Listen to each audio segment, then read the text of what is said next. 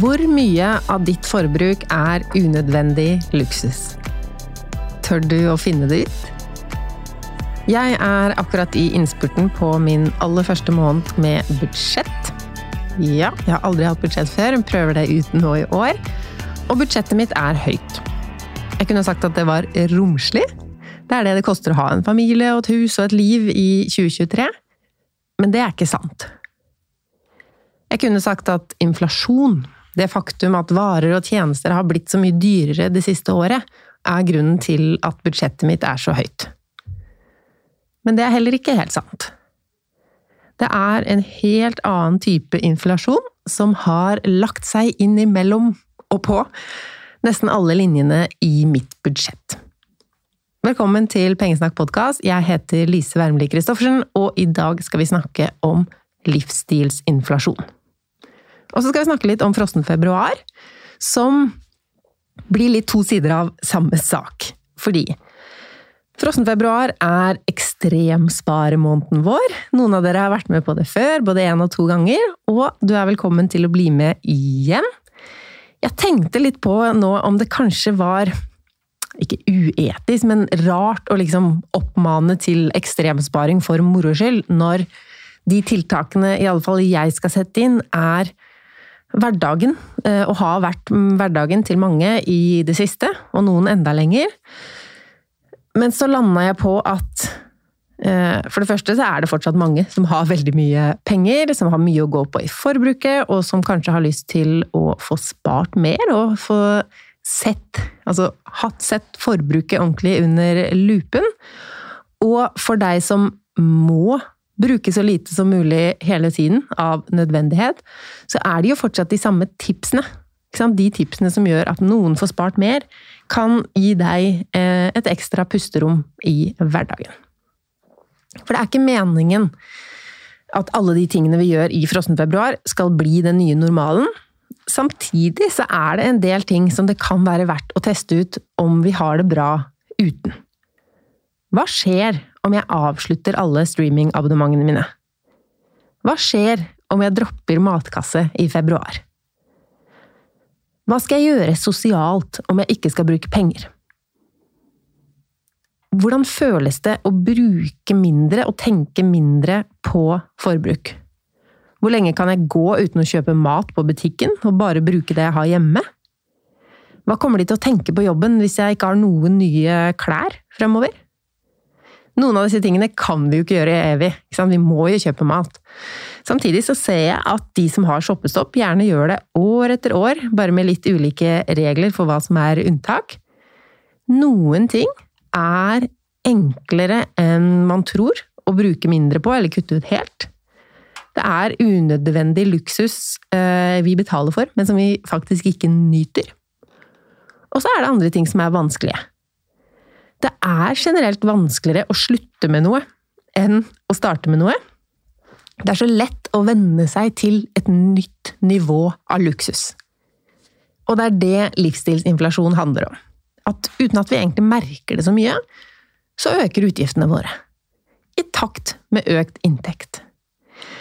Og det er kanskje en rar ting å snakke om akkurat nå, når inntekten faktisk ikke holder tritt med hvor mye dyrere alt har blitt for de fleste, men la oss gjøre det allikevel. Fordi det er ikke bare jeg som er offer for livsstilsinflasjon, det er veldig mange av oss. Og hvis du tenker 'å nei, ikke meg', tenk på deg selv for ti år siden. Eller hvis du er eldre, 15-20. Hva bruker du mer penger på nå enn for ti år siden? Har du noen nye eller økte utgifter som du elsker å ha? Det kan hende. Har du noen du ikke elsker? Og hva ville du for 10-15 år siden kalt luksus, men som du nå gjør uten å reflektere over det eller kose deg skikkelig med? Det er livsstilsinflasjon. At du med økt inntekt også har økt forbruket ditt. Og det er ikke 100% en dårlig ting. Vi vil jo tjene mer for å leve bedre og ha råd til ting som vi vil ha og ønsker oss, eh, og som vi ikke hadde mulighet til å kjøpe som student eller med startlønn. Men vi jobber ikke og tjener penger for å kunne kjøpe alt mulig som vi ser og hører andre gjør, uten å reflektere over om det er noe vi egentlig digger. For livsstilsinflasjon er ikke bare bra. Det er mest dårlig. Det er livsstilsinflasjonen som gjør det vanskelig å bli gjeldsfri. Vanskelig å få spart opp penger til pensjon og hva det nå er du drømmer om. Bolig, hytte, et år på Bali.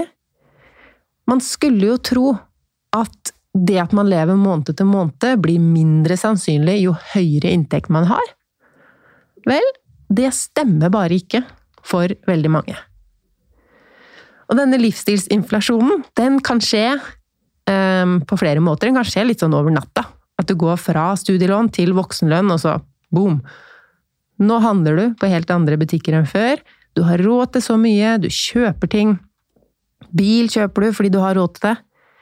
Eller så kan det komme mer sånn snikende innpå. At du endrer én og én liten vane, og etter en stund så koster livet ditt mer.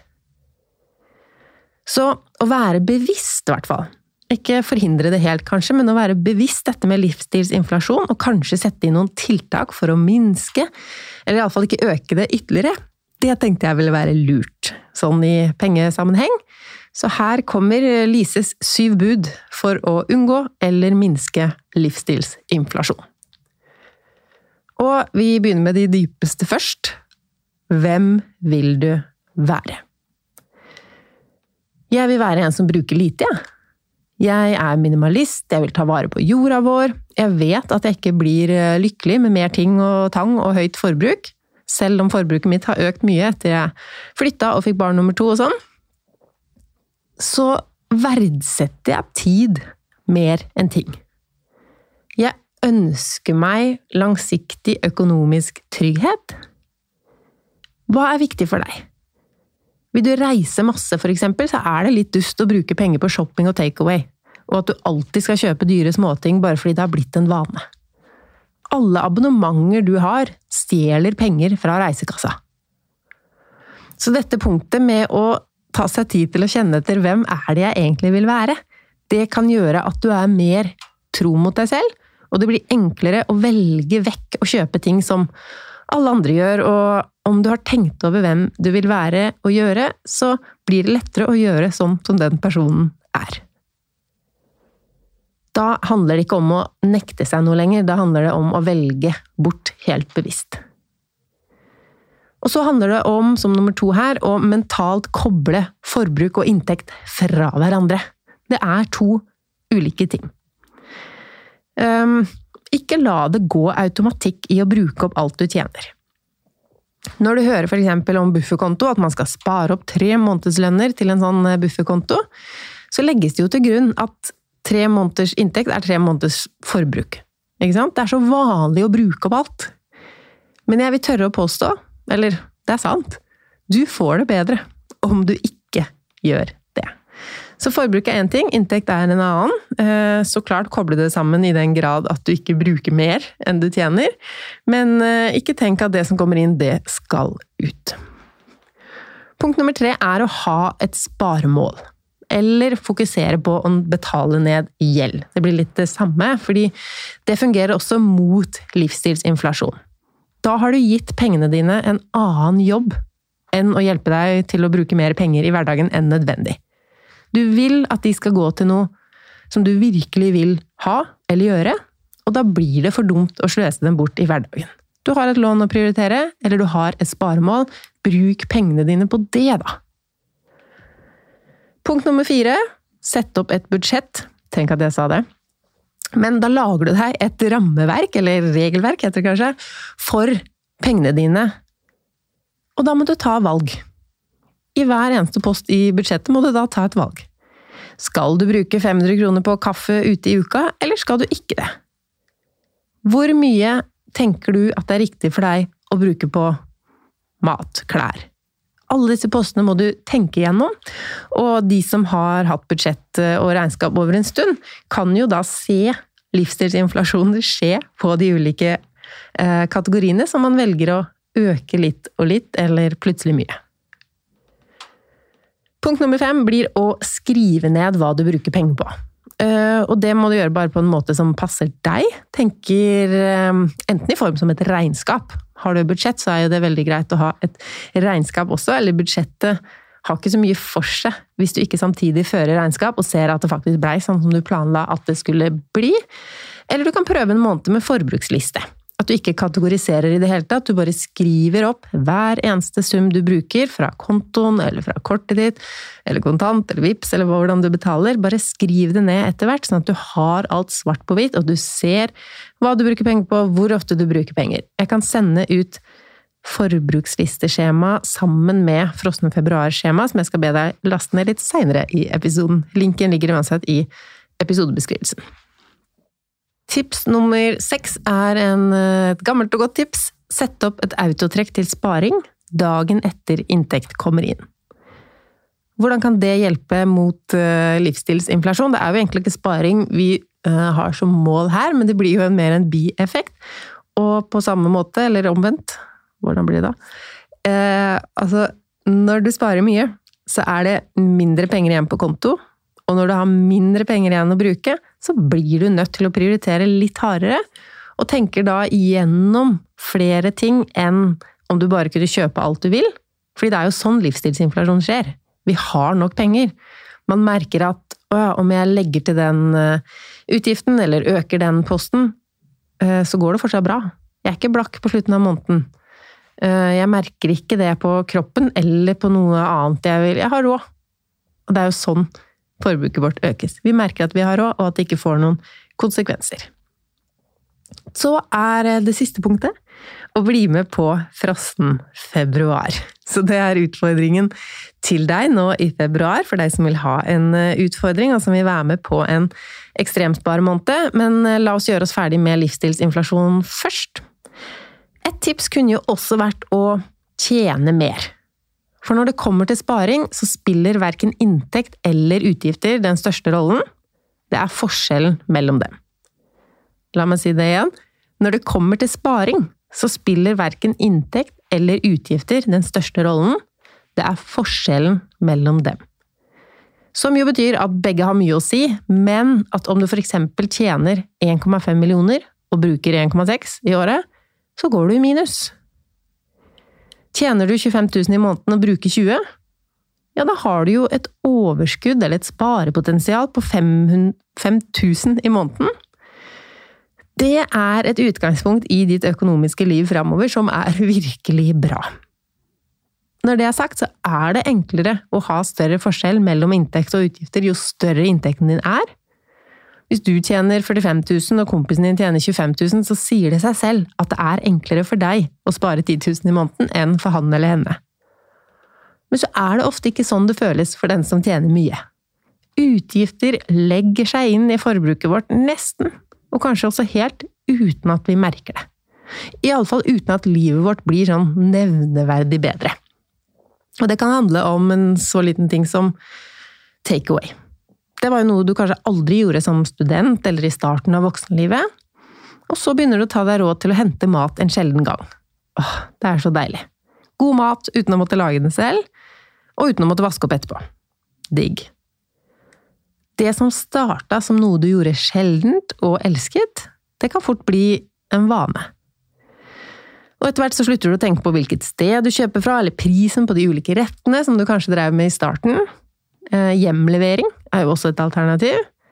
Sparer ikke så mye på å hente maten selv, begynner vi å forskjelle oss selv, kanskje. Og til og med legger inn ordet sparing, som om det handler om sparing i det hele tatt. Plutselig så er det ikke luksus nok for oss å hente mat ute. Nå skal det også leveres. Det er livsstilsinflasjon. Så prøv å tenke deg sånn, på hvilke områder har det skjedd med deg? Alle? Ingen? Bare de områdene du virkelig setter pris på, og fortsatt setter pris på. At du nå f.eks. går til en ordentlig frisør som du drømte litt om som student. Og det kjennes helt fantastisk. Da må du huske på, eller i hvert fall eh, lurt tips, å holde på den følelsen av luksus.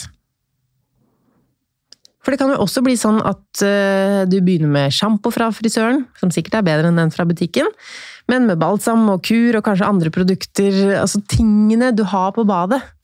Totalt sett, men la oss først bare begynne med dusjen. Sjampo, balsam, såpe. Det kan du jo få til kanskje 50 kroner på butikken. La oss se bort fra et øyeblikk at det sikkert ikke er de beste produktene. Eh, men du kan også bruke 1000 kroner på de tre tingene, eller mer. Og det er jo opp til deg. Men ikke glem å sette pris på den luksusen du unner deg, selv om du har råd til det. Det er fortsatt luksus, selv om du har gjort det i 16 år. Og hvis du merker at ja, kanskje jeg ikke setter pris på det eller det eller det, ta deg en tur tilbake, da. Velg det billigste en gang. Eller la være en stund, f.eks. med alle streamingabonnementer. Juster ned treningsabonnementet til bare egentrening. Eh, så får du tilbake følelsen av at dette er luksus.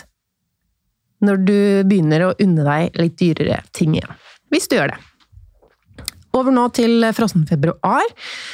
Sånn overordna så handler det jo om å ikke bruke penger i februar. Mer enn på det aller nødvendigste. Du registrerer deg gratis på pengesnakk.no slash frossenfebruar, for jeg vil vite om du er med. Da skal jeg også sende deg et ark som du kan bruke for å fargelegge underveis hvordan det har gått hver eneste dag. Grønt for dager som du ikke kjøpte noe, gult for nødvendige kjøp, rødt for unødvendige kjøp, gikk på en smell. I fjor måtte jeg også innføre fargen blå for juks, fordi mannen og sønnen min fikk svigermor til å kjøpe noen billetter for seg, sånn at de brukte jo ikke noen av våre penger. Eh, så da ble det blå farge for juks, ikke bruk den. På onsdag så kommer det en bonusepisode her eh, inne som forteller deg mer om utfordringen. Eh, bonusepisode, sa jeg, men det er egentlig bare en direkte kopi eller en ny sending av episode 78, som er fra første gang vi kjørte Ekstremsparemåned. Jeg hørte gjennom den i stad, og tenkte istedenfor å si alt på nytt, så bare legger jeg ut den på nytt. Frossen februar er spending freeze. Det er derfor det ordet frossen kommer inn, og fordi det passer fint sammen med uh, flere ting, egentlig. Um, vi fryser ned bankkortet i en eh, isblokk, sånn at det ikke blir så lett å bruke penger. Da får du tenkt deg om mens du står og tiner den isblokken. Eh, fryser kanskje litt hjemme for å spare strøm. Fryser litt ute fordi vi skal gå istedenfor å kjøre bil eller buss. Spare penger på transport. Eh, vi kan fryse noen abonnementer, osv., osv. Det var kanskje ikke det beste innsalget. Det hørtes tøft og vanskelig ut, men det er litt gøy også, skjønner du. Eller i hvert fall bra. Noen av dere vil komme à jour etter jul. Noen vil betale ned ekstra på kredittkortet, eller kunne spare og investere mer. Det er en fin utfordring for å finne ut hvilke av våre vaner som er verdt prisen, og hva du ikke savner i det hele tatt om du kutter det ut. Kanskje en måned med mer ro, når du ikke skal jakte på tilbud eller lure på hva du skal kjøpe, eller alt det andre som koster penger. Det kan være nyttig å skrive opp akkurat hva som er din grunn til å være med denne gangen, fordi du må ta noen eh, litt tøffe valg underveis i måneden. Um, og noen strategier. Altså, har du alltid spise utekveld med venner tredje torsdag i måneden? Inviter heller hjem, eller at alle tar med en tapasrett hver, eller noe. Første gang jeg gjorde utfordringen, så det jeg lærte da, var vel at jeg egentlig har en slags shoppestopp hele tiden, eller at forbruket mitt er lavt på sånne valgfrie ting. Eh, så det var ikke så langt unna hvordan jeg pleier å ha det. Eh, I fjor fikk jeg tatt en ordentlig runde med å spise opp mat og holde matutgiftene nede. Spise ut av fryseren. Eh, men jeg gikk også på et par smeller. Det ligger fortsatt en video på YouTube der jeg går gjennom februar 2022, med kanskje mest fokus på hva som gikk galt. I år tenker jeg på å ha fokus på ekstremsparing på Instagram og TikTok, dele små tips og hvordan det går med meg underveis i måneden. Jeg vil jo ha deg med, sånn at vi kan gjøre dette sammen, så vi har litt eh, accountability. Meld deg på på pengesnakk.no slash frossenfebruar. Jeg kommer ikke og tar deg hvis du ombestemmer deg underveis, eller om du bare kjører en uke eller to, men da får du litt innspill, og dette fargeleggingsarket legger også med en forbruksliste som du kan føre samtidig da i februar, til både nødvendige og ja, bare til nødvendige. Det skal ikke være noen unødvendige kjøp. Um, du kan jo også bruke almanakken din til det. Hvis du har pengesnakk året rundt, så er det fint å bruke den siden før februar starter, til å markere dager med farge. Send meg gjerne tips opp på Instagram eller noe hvis du har noen litt sånn mer ekstreme sparetips som jeg bør eller uh, skal teste ut i løpet av februar. Jeg har jo også valgt den korteste måneden i året for deg. Det er fire uker. Uh, mange barnefamilier har vinterferie inni her, så sånn sett er det kanskje en dårlig måned. Uh, men da bestemmer du deg bare skal det være et unntak. For det er lov å lage sine egne regler. Kanskje det er lettere å spare inn de tre andre ukene, fordi du vet det blir et litt høyere forbruk den ene uka. Eller kjør løpet helt ut med kun gratis aktiviteter. Og prøv å holde tonen positiv og finne på gøye gratisaktiviteter. Eh, ikke at det er sånn eh, 'stakkars oss, i år må vi bare gjøre billige ting' fordi Lise fant på en teit challenge. Så jeg håper du er med. Skriv ut skjema og gjør deg mentalt klar. Vi starter på onsdag, så kom tilbake hit og hør på enda en podkast da. Bruk hashtag frossenfebruar om du er med og vil dele noe underveis på TikTok, Instagram og i Facebook-gruppa vår. Lykke til, og da høres vi på onsdag.